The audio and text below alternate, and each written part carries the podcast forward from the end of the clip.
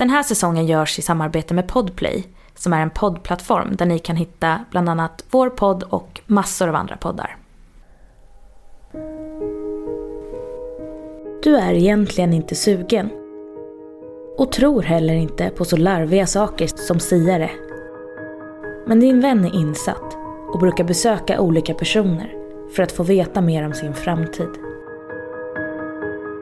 Idag ska hon träffa en kvinna som bor några timmar bort. Och du har lovat att hålla henne sällskap. Hon hämtar upp dig i sin framskottade bil denna kyliga vinterdag. Och ni ger er ut på motorvägen. När ni äntligen är framme följer du med din vän in till kvinnan som sitter i en liten, oinspirerande, hyrd lokal i ett industriområde. Du försöker kväva en gäspning. Den äldre kvinnan tittar upp på er båda och utbrister nästan genast.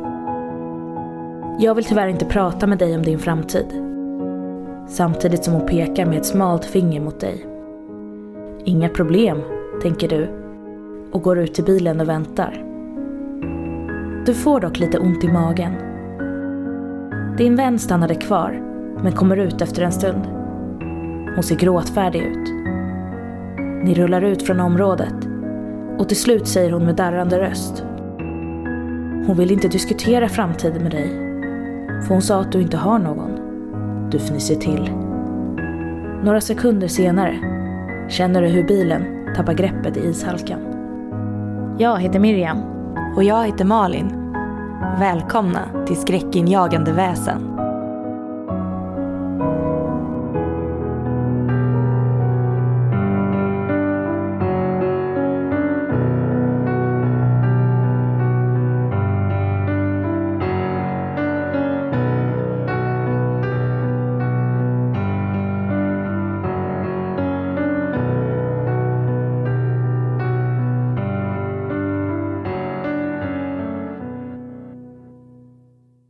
Hej och välkomna till Skräckenjagande väsen. Idag ska vi prata om orakel. Introt ni precis hörde är inspirerat av en historia som i alla fall sägs vara sann om en siare från Daegu i Sydkorea. Eh, vi visste inte så mycket om just orakel innan. Eller jag tror att, i alla fall jag, jag hade hört ordet orakel och jag hade nog en uppfattning om vad jag trodde att orakel var. Men nu när vi har läst på lite mer så har jag förstått att jag nog har använt orakel som ett samlingsnamn för ganska många olika saker. Ja, samlingsnamnet är väl kanske snarare typ siare, eller hur? Ja, jag skulle nog också tolka det nu efter att ha läst allt att siare är mer, mer, mer av ett samlingsnamn än vad orakel är. Att orakel är mer en specifik sak. Och vi kommer berätta mer om det i faktan som vi tänkte läsa nu. Och som vanligt så ligger länkarna till faktan vi har använt i avsnittsbeskrivningen.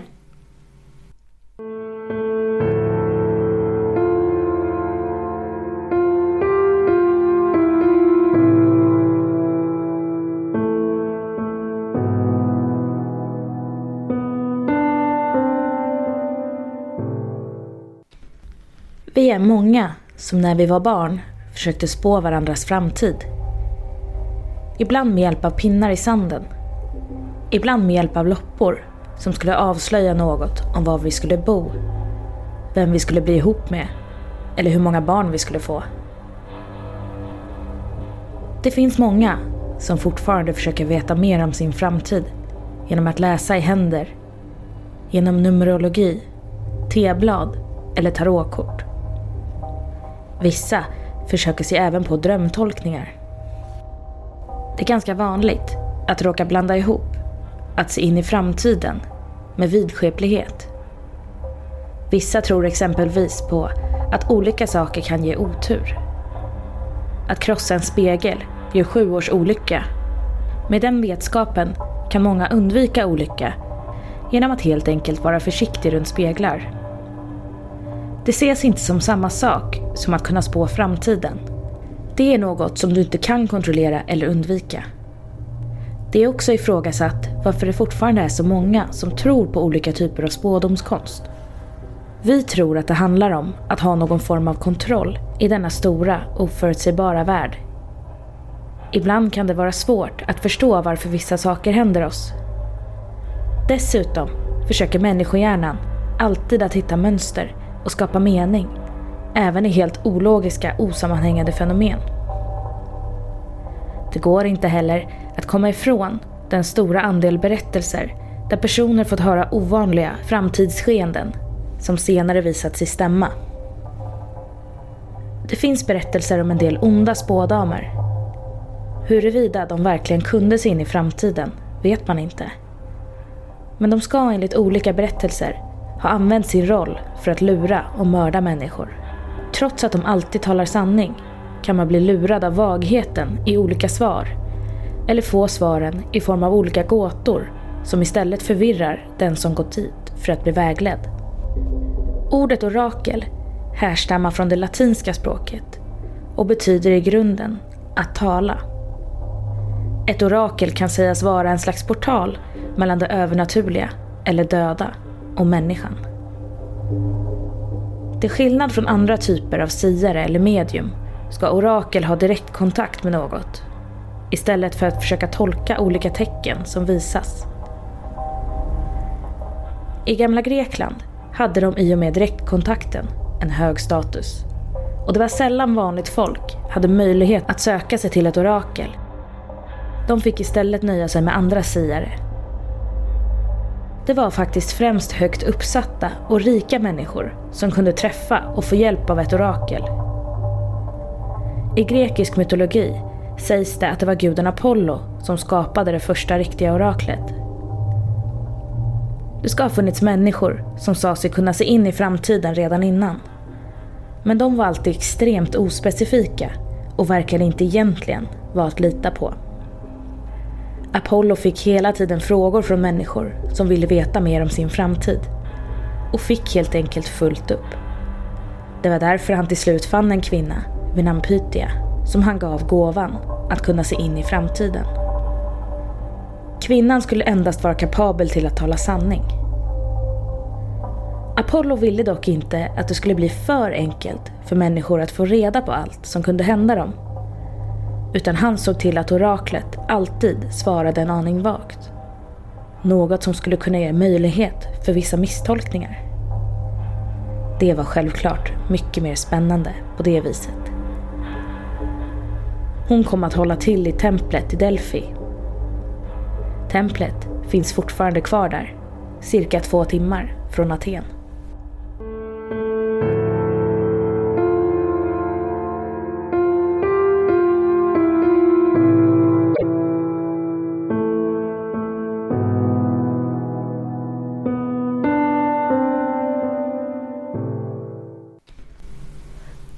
Ja, så det är väl några saker som liksom reds ut lite grann i faktan.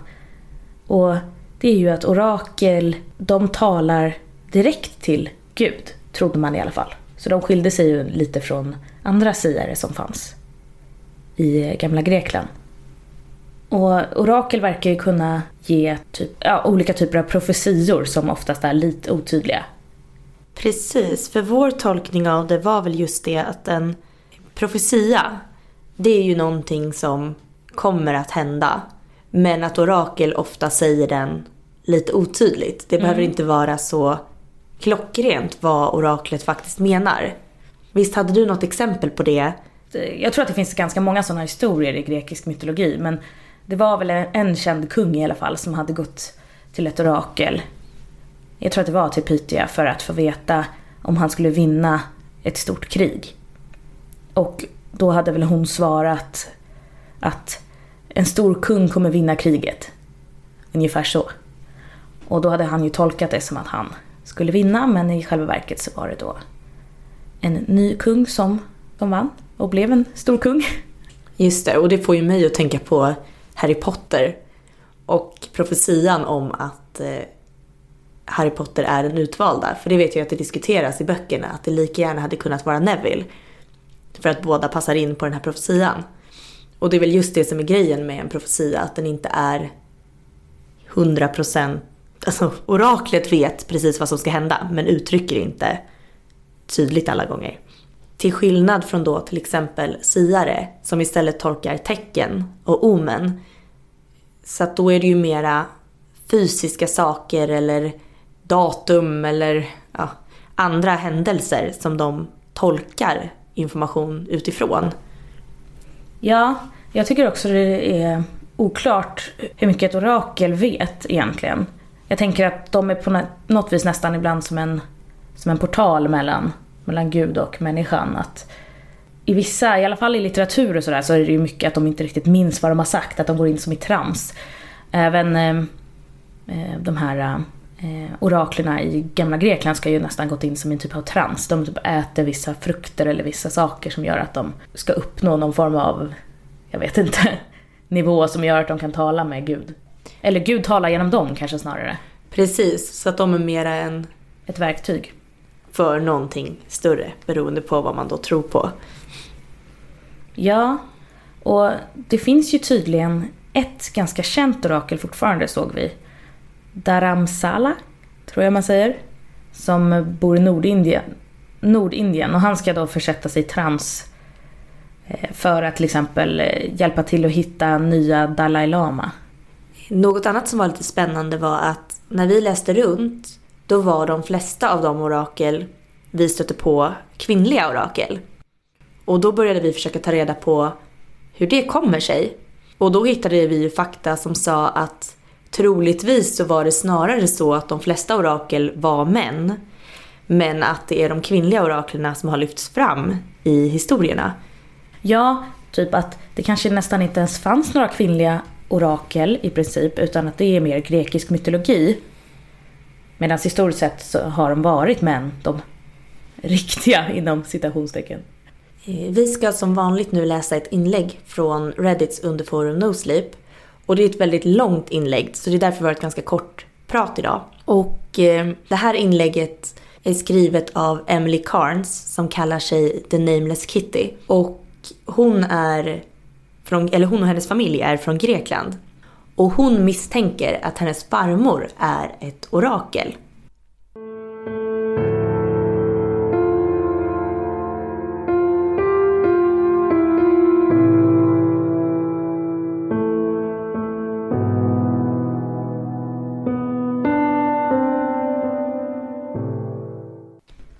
Min familj var grekiska hantverkare från den ödsliga landsbygden. Runt omkring vårt hus låg berg och vildmark. Det låg mitt ute i ingenstans. Efter att ha levt ett hårt liv med krig och elände trivdes min familj bra här. Min pappa var bara ett barn i den här berättelsen. Familjen Katsoros består av simpla, jordnära människor. De jobbade hårt och producerade vackert läder de gick i kyrkan. De var inte på något vis mystiska eller konstiga. De beblandade sig inte med det okulta eller något annat som hade kunnat få folk att lägga märke till dem. Det skulle möjligtvis ha varit min farmor i så fall. Hon var en mycket intressant kvinna. Snäll, enkel och hon respekterade sitt land. Trots det var häxa kanske det rätta ordet att beskriva henne med. En gång hade hon viskat orakel i mitt öra. Så tyst att inte ens väggarna kunde uppfatta det. Hennes konstighet var inte på något vis uppenbar. Det handlade främst om ett par vaga, gåtfulla profetior. Hon hade inte på sig någon mask och stola utan bar hemsydda klänningar som var något ur tiden. Hon blandade inte heller giftdrycker utan istället lagade hon underbara efterrätter. Hon kallades aldrig för orakel. Men trots det visste folket att de borde lyssna på henne. Det var en av de sakerna som är märkligt med att bo i Grekland. Du växer upp med alla dessa berättelser och historier som vi idag kallar mytologi. Men det får dig att lyssna och vara uppmärksam. För du vet att de inte alltid bara har varit myter. Du kan vara ateist Eller kanske en god kristen som avstått från hednisk vitskepelse. Men om du vandrar tillräckligt långt in i skogen, bland mörka kärr, berg och monument som stått där sedan de mytologiska dagarna, då lovar jag att du kommer att känna något. Du kommer oundvikligt att känna närvaron ifrån annat än fisk från vattendragen. Du kommer också att undvika de där alldeles för perfekta gläntorna. Och du kommer att minnas att vissa saker är mycket större än sunt förnuft. Ditt sunda förnuft är begränsat av vetenskap och upplevelser. Oavsett om du är 10 eller 80 år gammal så har marken ett miljoner år långt försprång. Hur som helst. Om nu marken visste bättre än någon annan dödlig varelse så låg min pappas mamma på andra plats. Och om hon inte var det så tänkte inte han vara den som sa det till henne. Stanna där du är Vass. Pojken frös till, mitt i steget med ytterdörren på glänt. Han kvävde ett stön samtidigt som han försökte minnas vad det kunde vara som han hade glömt. Alla hans sysslor var klara. Han hade inga läxor. Det var inte tillräckligt kallt för att behöva en jacka, ens med hans mammas mått mätt. Han kunde inte komma på någonting. Vassils Katsoros, tro inte att du kan spatsera rätt ut i skogen utan din filhata. Den här gången misslyckades han helt med att dölja sitt stön. Det kostade honom en lätt örfil. Nästan i exakt samma ögonblick kände han ett läderband läggas över hans nacke. En stor berlock i form av ett öga vilade nu strax över hans nyckelben. Det var en traditionell symbol som skulle skydda mot det onda ögat. Mamma, jag är ingen bebis. Vuxna har inte på sig sånt här. De smarta vuxna har det, svarade hon snabbt. Och du har ju dessutom fått designa ditt själv så att det ska se coolt ut. Det finns ingenting coolt med att ha på sig ett bebissmycke, suckade han djupt. Ja, ja. Medan du är iväg i skogen som en stor säker bebis. Se då till att vara försiktig och kom hem till middagen. Hon gav honom en puss på huvudet och gick tillbaka in i huset. Min pappa minns den här händelsen in i minsta detalj. Och min farmor använde verkligen ordet stor säker bebis.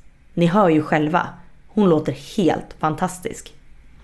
Vassil suckade och stoppade i halsbandet under tröjan innan någon vilsen buss med söta tjejer fick för sig att stanna precis framför huset och skratta åt honom.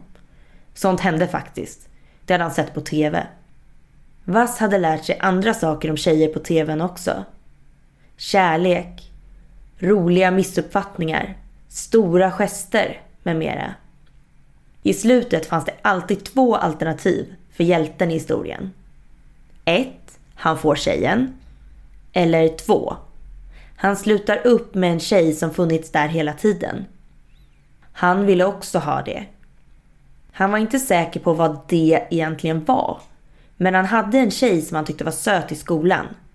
Och gissade att dejta åtminstone innebar att de blev bästa vänner. Vilket lät som en bra deal för honom. Som med hjärtat fyllt av hans skönlitterära luster började han promenera in i skogen. Luften var kylig och solljuset trängde genom det tjocka lövverket. Vass var född på den här marken. Och han visste vart han kunde hitta de största ekarna i den här delen av skogen. Precis som alla de tidigare gånger han gått här blev han då och då tvungen att stanna. Endast för att beundra allt det vackra runt omkring honom. Allt var så otroligt vackert. De tjocka grenarna, så stora och tunga att det kunde ge skydd åt oräkneligt många djur. Det var också helt fantastiska klätterträd åt små människor. Trots ekarnas otroliga storlek och ålder var de helt orörda. Det fanns inga hjärtan, datum eller initialer ingraverade i stammen. Det borde kanske ha varit en varningsflagga. Vass, min pappa, var dock helt oberörd. Han var alldeles för inriktad på att hitta det perfekta stället att gravera in hans och hans kärleks initialer i stammen. Efter att han avfärdat flera identiska platser på den stora stammen hittade han slutligen den perfekta platsen. Helt perfekt. Dessutom kunde han inte klättra högre upp. Han började karva precis ovanför en hjärtformad gren. Samtidigt som han log med hela ansiktet. Vid tanken på hur romantiskt detta måste se ut utifrån. När han var klar med veet upptäckte han att det läckte mycket vätska från trädet. Det kanske inte hade varit så konstigt på våren. Men nu? Men det var bara vätska, så han ruskade bort tankarna på det. När han började på det andra strecket på K1 stannade han plötsligt upp med en obehaglig känsla i bröstet. Det som oroade honom var dess röda färg, som inte längre gick att ignorera.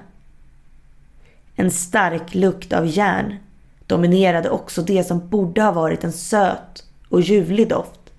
Han rös.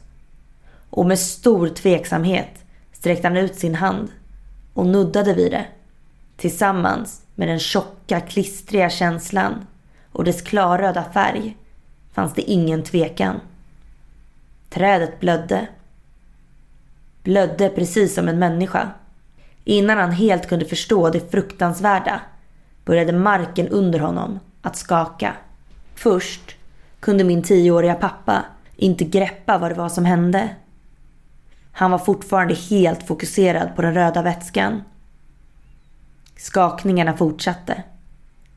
Vinrankor som tidigare slingrat sig runt den stora eken drog sig tillbaka och försvann in i skogen. De stora rötterna följde efter och nu började hela växter att försvinna ner i marken. Samtidigt verkade det som att varenda löv på flera mils avstånd skakade. Nu var han riktigt rädd. Träd som var högre än hans eget började förlora sina grenar och dess rötter slingrade sig iväg mot något som han inte kunde se genom det täta lövverket i slutet av gläntan. Vass hjärta slog hårt i bröstet. Alla träden runt omkring honom var nu lutade åt ett och samma håll, som om de bugade. Samtidigt som de drogs ner, försvann, meter för meter, ner i något mörkt som han tidigare trott var en sten. Luften började kännas fel. Alla ljud kändes fel. Något stort började andas. Min pappas överlevnadsinstinkt började vakna till liv och han funderade på om han borde springa eller klättra högre upp i trädet. När hans fötter slog i marken var han dock säker på sin sak. Spring! Vass hade aldrig tidigare rört sig så fort. Men han snubblade ofta till och tappade farten. Först trodde han att det var farten som var problemet. Men när han ramlade ännu en gång och famlade för att komma upp på fötter igen fick han tag i en rot. Det verkade som att så fort grenen fick nys om honom så började den att röra på sig. Vass stirrade, förstenad av skräck på roten som slingrade sig runt hans fot. Försteningen varade dock inte längre än ett par sekunder och Vass skrek rakt ut samtidigt som han slet sig loss och sprang iväg. Ljudet bakom honom kändes överväldigande. Han föreställde sig hur en gigantisk hand krälade efter honom på kloliknande fingrar lika stora som ett träd. Eller något stort dinosaurieliknande monster. Eller kanske till och med djävulen själv. Pojken sprang. Förbi plantor som tyckte sträcka sig efter honom. Du dör om du vänder dig om. Både tv och mytologi var överens på den punkten. Skogen var suddig. Vassils var inte säker på om det var världen som hade förändrats eller om det bara såg ut så genom hans tårar. Antagligen lite av båda. Den andades. Hans hals sved till. Han sprang vidare men sträckte upp handen för att känna. Vinrankorna, som man nästan hade räknat med att känna virade runt halsen, fanns inte där. Hans hals var bara öm efter allt skrikande. Han hade inte ens märkt att han skrek. Han kunde inte ens höra sina skrik över det andra ljudet. Det där som stampade och andades medan det jagade honom. Han kunde inte springa längre. Han skulle falla och då skulle han nog dö. Skogen försökte dra undan mattan runt omkring honom. Det drogs mot saken. Den växte. Han hoppade och snubblade runt, kämpade för att hålla sig på fötter. Lika rädd för att ramla som för att möta vad det nu var som jagade honom. Det kom närmare. Ett ordlöst skrik slapp ut ur hans mun samtidigt som han nådde ängen där hans hus låg. Han saktade inte ner förrän han kom fram till ytterdörren. Han slog och sparkade på den samtidigt som han skrek efter hjälp. Av någon anledning kom han sig inte för att öppna den själv. Det tog självklart inte lång tid innan hans mamma slet upp dörren. Hon stirrade skräckslaget på hennes blodige son. Så såg hon upp på det som jagade honom. De hade stannat vid skogskanten. Hon blev likblek i ansiktet. Hon slet in vass i huset, slog igen dörren och föll på knä bakom honom. Min pappa stod fortfarande och snörvlade och grät medan hans mamma kollade efter sår och andra skador i jakt på källan till allt blod på hans kropp. När lite blod fastnade på hennes fingrar försvann den sista färgen från hennes ansikte. Hon var tyst i flera sekunder. Till slut viskade hon Vassils, vad har du gjort? Jag gjorde inget... Hon tog tag i hans axlar och började prata. Hon slöt ögonen och försökte lugna ner sig själv. Det kändes som en evighet innan hon fortsatte. Vassils, sa hon lite lugnare. Vassils. Hon kramade honom och snyftade till. Det här skrämde honom nästan mer än den där saken som hade jagat honom. Hela skogen skyddar en dryad, viskade hon. Och du är dränkt i hennes blod. Du, vi har stora problem, Vass. Lyckligtvis förstod min farmor situationen. Jag vet inte om det var ren intuition eller något som hon hade fått höra från gamla släktingar. Men hur som så var det livsavgörande. Hon ringde min farfar som var iväg till byn och bad honom att hålla sig på den stora vägen när han åkte hem. Inga genvägar. Han förstod inte varför, men han litade på sin fru. När han kom hem stod han en lång stund utanför huset och stirrade på skuggan som lurade bakom träden. Han sa inte ett ljud när han kom in igen. Han kramade bara om sin lilla familj. Efter att ha återberättat sin historia flera gånger än han själv minns och tillräckligt många gånger för att nästan tappa rösten fick Vass ta ett bad för att sedan gå och lägga sig. Han låg i sängen och lyssnade på hans föräldrars viskande röster hela natten. Han önskade att han kunde höra vad de sa. Och han önskade verkligen att inte alla insekter hade blivit knäpptysta. Nästa morgon startade i tystnad. Efter flera år på landet behövde inte Vass bli väckt för att vakna i gryningen. Han gick tveksamt ut i köket. Det luktade helt otroligt. Hans mamma hade lagat en gigantisk frukost med hela familjens favoriter. Ingen av dem hade dock någon aptit. Ingen pratade. Efter att ha tuggat en stund på vad de nu hade lagt upp på sina tallrikar reste sig alla upp som på en given signal. Vass pappa började städa undan. Hans mamma ledde in honom i badrummet med ett sorgset ansiktsuttryck. Vi kommer att fixa det här Vassils. Men du kommer inte att gilla det här, sa hon. Med tanke på den vassa kniven hon bar så trodde han henne. Hennes ögon fylldes med tårar igen. Han andades dock ut när hon la ner kniven och tog fram papper och penna. Snälla, visa precis vad det var du karvade in i stammen, instruerade hans mamma. Han nickade och började noggrant att rita av så exakt han kunde. Hans mamma lät honom ta all den tid han behövde. Hon tittade ömt på honom och klappade honom ofta över håret. Som hon var osäker på om hon skulle få göra det igen. Till slut tvekade han på sista linjen på K1. Det var här jag slutade, sa han. Är du säker? Han tvekade, men nickade. Hon gjorde likadant. Okej, ta av dig tröjan Vass. Min farmor studerade hans teckning. Han började klaga, men blev tyst när hon tog upp kniven igen. Vad ska du göra med den där? Hon försökte le. Leendet såg smärtsamt ut. Jag är så ledsen Vassils. Men om vi ska göra rätt för oss så måste jag göra precis samma sak på dig som du gjorde på trädet. Som barn var jag alltid så ledsen för min pappas skull i den här delen av berättelsen. Jag menar, det är jag fortfarande. Men nu kan jag inte låta bli att tänka på hur min farmor måste ha känt sig. Pappa minns inte exakt vad han sa, men han är säker på att han började böna och be om att slippa. Han skäms när han tänker tillbaka på det, eftersom han måste ha gjort det ännu svårare för sin mamma.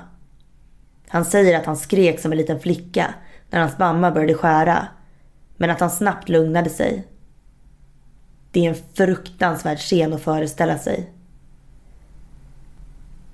Till slut var tröjan som hon hade knutit runt midjan på Vassils helt täckt i blod. När hon var klar var det dags för min pappa och min farmor att gå.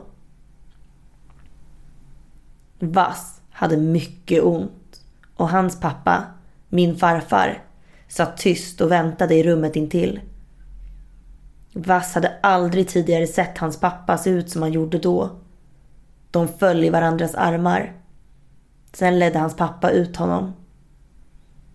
Han blev överraskad över att se en skottkärra full med kompost utanför dörren. Hans mamma förklarade att han måste dra den. De båda skulle gå med honom. Men skottkärran, den måste han dra ensam. Han nickade. Han skulle ha nickat åt allt som hon sa nu. Det enda han kunde fokusera på var den stora, monstruösa skuggan i skogskanten framför dem. Han kunde se lite av den nu. Det var en stor massa av levande, döda och slingrande växter. Tillsammans formade det något som vagt påminde om en man. Väldigt, väldigt vagt. Dens ögon var bara hål bland de trasslande grenarna och dess mun var en stor spricka som sträckte sig både horisontellt och från hals till panna. Ur munnen stack det ut något som liknade tänder i alla möjliga vinklar. Den monstruösa skogsvakten var tydligt berikad med armar och ben. Men dess armar hade växt och slagit rot i marken under natten. Den stod inte böjd som en gorilla utan armarna var mycket längre än så. Även benen hade grävt sig ner i marken. Trots det fanns det ingen vis man på den här jorden som hade fått för sig att testa hur rörlig den här varelsen var. Hans mamma tvingade dem att gå framåt. Han kunde först inte röra på sig alls. I minst en minut stod han bara blickstilla. Trots att han hade blivit uppfostrad att alltid följa sina föräldrars order. Han kunde inte neka dem. Tills han plötsligt gjorde det. När han till slut lyckats få skottkärran i rullning igen började den lilla familjen att gå mot monstret tillsammans. Vass blick flackade mellan sina föräldrar. Han kunde inte låta bli att se att hans pappa inte hade några vapen. Han hade en hand på varje axel. En hand från båda hans föräldrar. Båda höll så hårt att det gjorde ont. Men så länge de höll i honom brydde han sig inte. Precis som förut så rörde sig jätten inte ut från träden. Trots det så avslöjades de snabba ormlika grenarna som täckte dess kropp att den hade sett dem. Stanken av ruttna plantor kvävde nästan det lilla sällskapet. Goliat såg ner på dem och ryckte sedan upp sina armar med två fruktansvärda explosioner. De gled upp som majestätiska gamla träd. De borde ha varit orörliga, men istället var de omöjliga att stoppa. Varelsen var redo för dem. Medan trion rörde sig närmare den upprörda men dock så tålmodiga varelsen kramade Vass mamma hans axlar ännu hårdare med en skakande hand. Sen rullade hon bak sina egna axlar och gick med bestämda steg framför dem. Hon närmade sig. Trots varelsens förmåga att helt förgöra henne. Trots att en av dess långa tentakler hade kunnat genomborra hennes mjuka, ömtåliga kropp på bara några sekunder. Hon fortsatte darrande framåt med högburet huvud. Jätten tillät henne att närma sig. Avgrundsgroparna till ögon stirrade nästan rakt ner för att se på den järva lilla apan som närmade sig. Vass skrek åt henne att springa. Hans far höll för hans mun och höll i honom så hårt att det gjorde ont igen. Pappa upptäckte inte förrän i efterhand att hans pappa grät. Plötsligt insåg Vass att hans mamma pratade. Med en hög klar stämma. Han stannade upp för att lyssna. Det var inte deras språk. Eller i alla fall inte helt. Det var gammal grekiska. Han kunde bara uppfatta några få ord. Son, sona, offra. Det var inga bra ord. Den monstruösa plantvarelsen reagerade inte direkt. Den verkade inte gilla att röra på sig så fort om den inte behövde. Äntligen öppnade den sin stora märkliga mun och gav ifrån sig ett basliknande ljud. Så mörkt att det knappt gick att uppfatta. Kom! Vass mamma vände sig om och såg på sin familj. Hon log ett kärleksfullt och lugnande leende samtidigt som den stora trädsaken vände sig om. Den vände sig inte om fysiskt. Det var mer som att den möblerade om sig själv. Vass mamma vände sig om för att gå efter när varelsen började försvinna in i skogen. Vassils hade aldrig tidigare lagt märke till hur vacker hans mamma var. Han trodde ingen kunde vara så vacker, modig och perfekt. Han var säker på att han aldrig mer skulle få se henne när hon modigt försvann in i den täta skogen. Han kan inte ens beskriva den avgrundslika känslan av förlust som fyllde honom. Han insåg att han följde efter. Osäker på om han gick själv eller fördes in av sin pappa. Det spelade ändå ingen roll. Medan han la allt fokus på att skjuta skottkärran framför sig, trots den fruktansvärda smärtan från såret, så kom han på att han inte hade märkt när hans pappa hade släppt sitt hårda grepp om honom. Trots att varelsen lämnat efter sig en bred stig så var det tungt och svårt att skjuta skottkärran genom skogen. Vass pappa verkade orolig, eller så kunde han inte hjälpa till att dra. Men han gick i förväg och försökte få bort en del grenar och stenar för att det skulle bli lite lättare att skjuta den. Monstret med farmor bakom sig vände sig hela tiden om och väntade så fort de hamnade för långt bakom. Det var en fruktansvärd färd. Inte på samma sätt som det hade varit igår. Då hade han bara varit orolig för sitt eget liv. Nu var den hämndlystna, pojkätande varelsen framför honom. Istället för att bli jagad var det nu den skräckinjagande känslan av att vara övervakad. Från alla håll. Varenda löv, skugga och sten kändes som de dömde honom. Som om alla hade en själ och ville få en glimt av den fruktansvärda sak som hade fått deras syster att blöda. De dömde honom och de hatade honom. Känslan hade varit så distraherande att han helt hade missat att hans pappa bar på en spade. Hans mamma hade en kniv och hans pappa en spade. Son. Sona. Offra.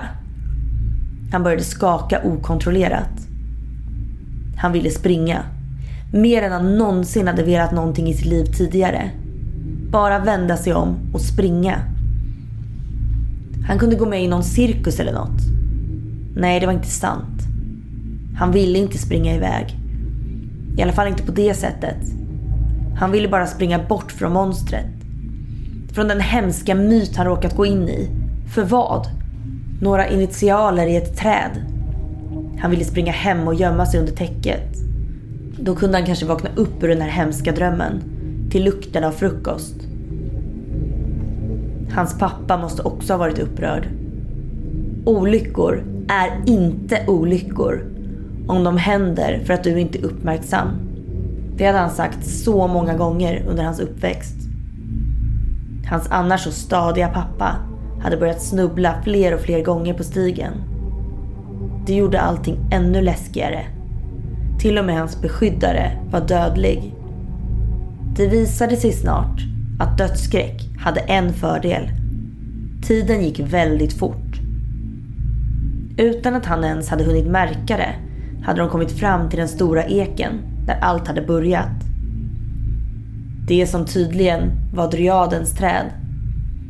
Hans mamma väntade nästan helt täckt av grenar från det stora monstret bakom henne. Hon log ett sorgset leende. Vass pappa såg inte ut att må bra. Hans hud och ögon såg insjunkna ut. Och hans kropp var kritvit.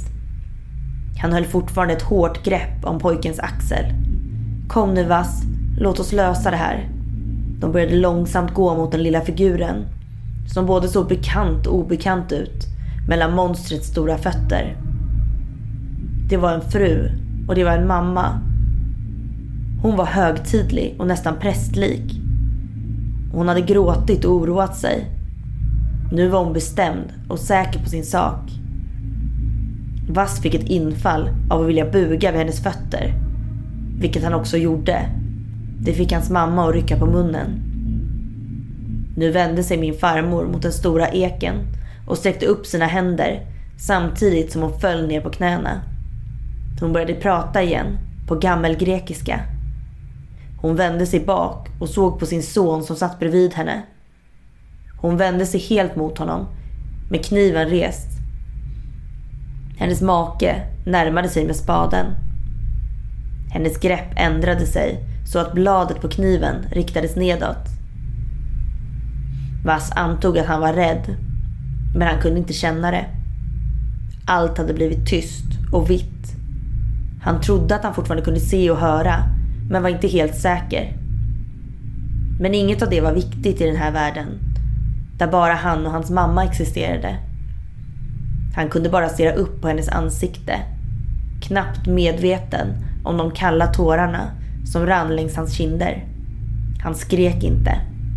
Det fanns inga skrik här. Det var hans mamma och han. Det här var hans mamma och han älskade sin mamma. Hon hade varit hans allt. Allt det pappa inte var. Allt från lärare till vårdgivare till spirituell vägledare till bästa vän. Han älskade henne. Skulle han verkligen låta henne döda honom? Här i tystnaden visste han svaret. Det skulle han. Men hans hjärta brast vid tanken på att hon skulle göra det. Hon pratade. Han förstod inte orden. Kniven drogs tillbaka. Han kunde inte stänga sina ögon. Den slog ner i den leriga marken. Acceptera den här kniven, hörde han sin mamma säga. Vi begraver symbolen för vår ilska. Snälla acceptera vår offergåva och ge din förlåtelse. Hon böjde sig framåt och viskade Ta spaden vass. Begrav all den kompost som du dragit med dig hit. Det borde ställa allt till rätta. Vad som än händer är vi här och vi älskar dig. Hon gav honom en puss på kinden. Det var ett tungt jobb att gräva en grop som var tillräckligt djup för att rymma allt. Speciellt då han behövde vara väldigt, väldigt försiktig så att han inte skulle råka skada någon av alla de rötter som sträckte sig kors och tvärs. Men Vass märkte det knappt. Han var så otroligt lättad. Han tänkte att det måste varit så här Isak kände sig efter att Abraham lät honom gå. Han kände sig nästan lite dum. Klart att hans mamma inte hade övertalat hans pappa att offra honom till en dryad mitt ute i skogen. Det var ju bara dumt. Dryader finns ju inte ens. De finns inte. De är helt klart mytologiska. Tiden passerade så märkligt. Ibland satt hans mamma ner och hans pappa stod upp. Ibland bytte de plats. Gruppen blev djupare och fylldes med fin näringsrik kompost. När pojken var klar med att täcka igen hålet igen kände han något närma sig. Han kunde inte riktigt sätta fingret på känslan. Han förstod att han inte var klar. Det hade varit för enkelt. Eller skulle han verkligen få vakna upp ur mardrömmen nu? Det skulle han inte få. Stora, trädliknande fingrar lyfte upp honom som om han hade varit en krokus. Hans mamma skrek. Vass skrek. Han sprang i luften och svingade spaden vilt omkring sig. Det hjälpte inte. Varelsen förde den lilla pojken mot sitt stora gap. Hans mamma började attackera den. Han sparkade på de stora benen och började dra av de minsta kvistarna. Allt utan resultat. Hans pappa kämpade också utan lycka. Vass stirrade på de stora ormgropslika ögonen. Sen ändrades hans uppmärksamhet till munnen som började öppnas med ett knakande läte. Vass kurade ihop sig i fosterställning. Då tappade den honom. Alla tre människor där i skogen gav ifrån sig samma tjut. Han missade precis en av tänderna och stannade. Vass stirrade in i den köttiga skräckfilmen nedanför honom. Han såg upp och såg att spaden hade fastnat i en gren. Hans skrik blev till ett skratt samtidigt som munnen öppnades igen och både pojke och spade försvann. Min pappa, Vass, minns inte vad som hände sen. Att bli uppäten av ett gigantiskt trädtroll kändes som en rimlig anledning att tappa medvetandet en stund. Han vet inte om han svimmade eller om han bara har blockerat bort alla de minnena. Nästa sak han minns är dess ansikte. På något sätt hamnade han från varelsens mage till en av grenarna högst upp i den gamla eken. Mitt emot hans ingraverade initialer. Han kunde inte röra sig. Han var helt frusen av skräck. Men det han stirrade på var inget monster. Han var inte rädd. Ansiktet han kunde se mellan grenarna var vackrare än någonting han någonsin hade kunnat föreställa sig. Vassil svarade hårt. En gång, två gånger, tre gånger. Till slut fick han ur sig med en darrande tyst röst. Jag, jag är... Jag är så ledsen. Jag visste inte. Jag lovar att jag ska visa respekt för det här trädet så länge jag lever. Jag lovar. Ansiktet var så vackert. Hon var så vacker. Hennes ögon så snälla. Hon böjde huvudet fram och tillbaka medan hon studerade den unge vandalen. Hennes blick mjuknade ännu mer och hon log och nickade. Samtidigt som dryaden nickade hände något annat. Den stora kolossen till vakt, som vaktade den här vackra varelsen, började att lysa från sina grenar. Lövliknande små ljus bröt sig loss och dalade ner mot marken. Allt de små ljusen vidrörde återställdes och på den kala marken började nya växter att växa. Vass visste inte hur länge han hade suttit och studerat det magiska som hände runt omkring honom. Han visste inte hur länge han hade suttit och stirrat på eken efter att ansiktet hade försvunnit.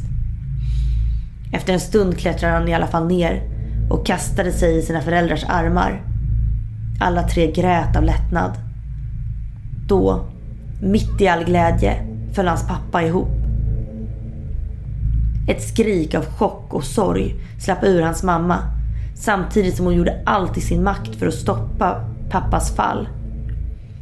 Vass försökte också hjälpa till så gott han kunde. Pappa skakade på huvudet och försökte vifta bort hjälpen så fort han hade landat. Han försökte försäkra sin fru och son att det inte var någon fara med honom. Men min farmor var en typisk grekisk kvinna och hon struntade helt i hans skitsnack. Hon tog genast hans puls, kände på hans panna och kollade igenom hans kropp. Efter en lång undersökning utbrast hon plötsligt. Men min dumma envisa man, du har ju inte på dig din filhata. Vass ögon vidgades och han såg ner på sitt bebissmycke som han hade runt halsen. Inte en chans. Hans mamma skred genast till verket och drog av hans pappas tröja. Vassils, sa hon bestämt. Klättra upp i trädet igen och be mycket vänligt dryaden om du kan få lite av hennes blod. Det som du redan har karvat fram. Ja, det lät ju som en fruktansvärd idé. En del av honom kände faktiskt så. Men trots det gjorde han som han blev tillsagd och klättrade upp igen. Mycket försiktigt för att inte skada någon av grenarna. Dryaden var inte där. Vass ryste till. Hur kallar man på en dryad? Måste man det? Lyssnade hon? Jag antar att hon lever i trädet eller... Um, Hej igen. Jag är fortfarande jätteledsen. Alltså jätte. Men min pappa blev plötsligt sjuk. Eller ja, någon slags förbannelse kanske. Något sånt. Typ onda ögat. Jag kände hur hela skogen stirrade på oss när vi gick hit så jag antar att det är därför. Han stannade upp och tog sig för munnen när det här gick upp för honom. Min mamma undrar om jag med din tillåtelse får ta lite blod. Förlåt och snälla. Det vackra ansiktet kom inte tillbaka. Det var inte heller någon eller något som pratade. Vass bet sig i läppen och undrade om han borde upprepa frågan. Då strök en liten kvist hans hand. Åh, tack, tack, tack så jättemycket, du är så snäll. Medan han hasplade ur sig sin tacksamhet kom han på att han inte visste vart han skulle förvara blodet. Så han fyllde sin kupade hand och klättrade ner med den andra. Hans mamma såg ut som hon höll på att svimma av tacksamhet. Hon droppade två fingrar i blodet. Sedan målade hon ett öga under hans pappas nyckelben. Sedan läste hon en bön på gammel grekiska. Vass förstod inte riktigt vad hon sa. Efter att hon upprepat bönen tre gånger lyste ögat upp. Min farfar drog efter andan. Ljuset blev blekare och försvann snart helt. Det var helt tyst, förutom ljudet från våra andetag. Äntligen började pappa få tillbaka sin ögonfärg. De kramades och pussades. Farfar hyllade min farmor och hon bannade dem för att de orsakade så mycket trubbel. Efter det här levde de ett högljutt och lyckligt liv. Så det var berättelsen som min pappa berättade för mig. Olikt mina andra så kan jag själv skriva under på att den här är sann. Min pappa låter mig aldrig gå utan min filhata. Jag kan också bekräfta att den stora eken fortfarande har ett R som är precis likadant som det min pappa har.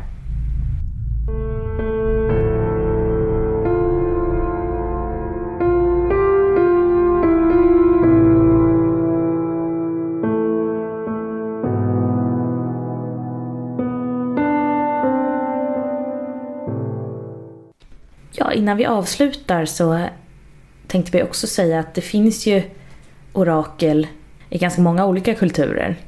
Exempelvis då i eh, nordisk mytologi så har man ju talat om mimer och mimers brunn som till exempel Oden dricker ur. Caesar sades också ha fått vissa ja, men råd och så från orakel. Men det tror jag är lite mer otydligt hur det egentligen låg till vi får nog anledning att komma tillbaka till andra typer av siare framöver. Det tror jag verkligen. Det finns nog väldigt mycket att hämta här. Men det var allting vi hade för det här avsnittet. Och ni hittar oss som vanligt på Instagram och Facebook där vi heter skräckinjagande väsen. Och ni kan också mejla oss på skräckinjagandevasen gmail.com. Tack för oss. Hej då. Hej då.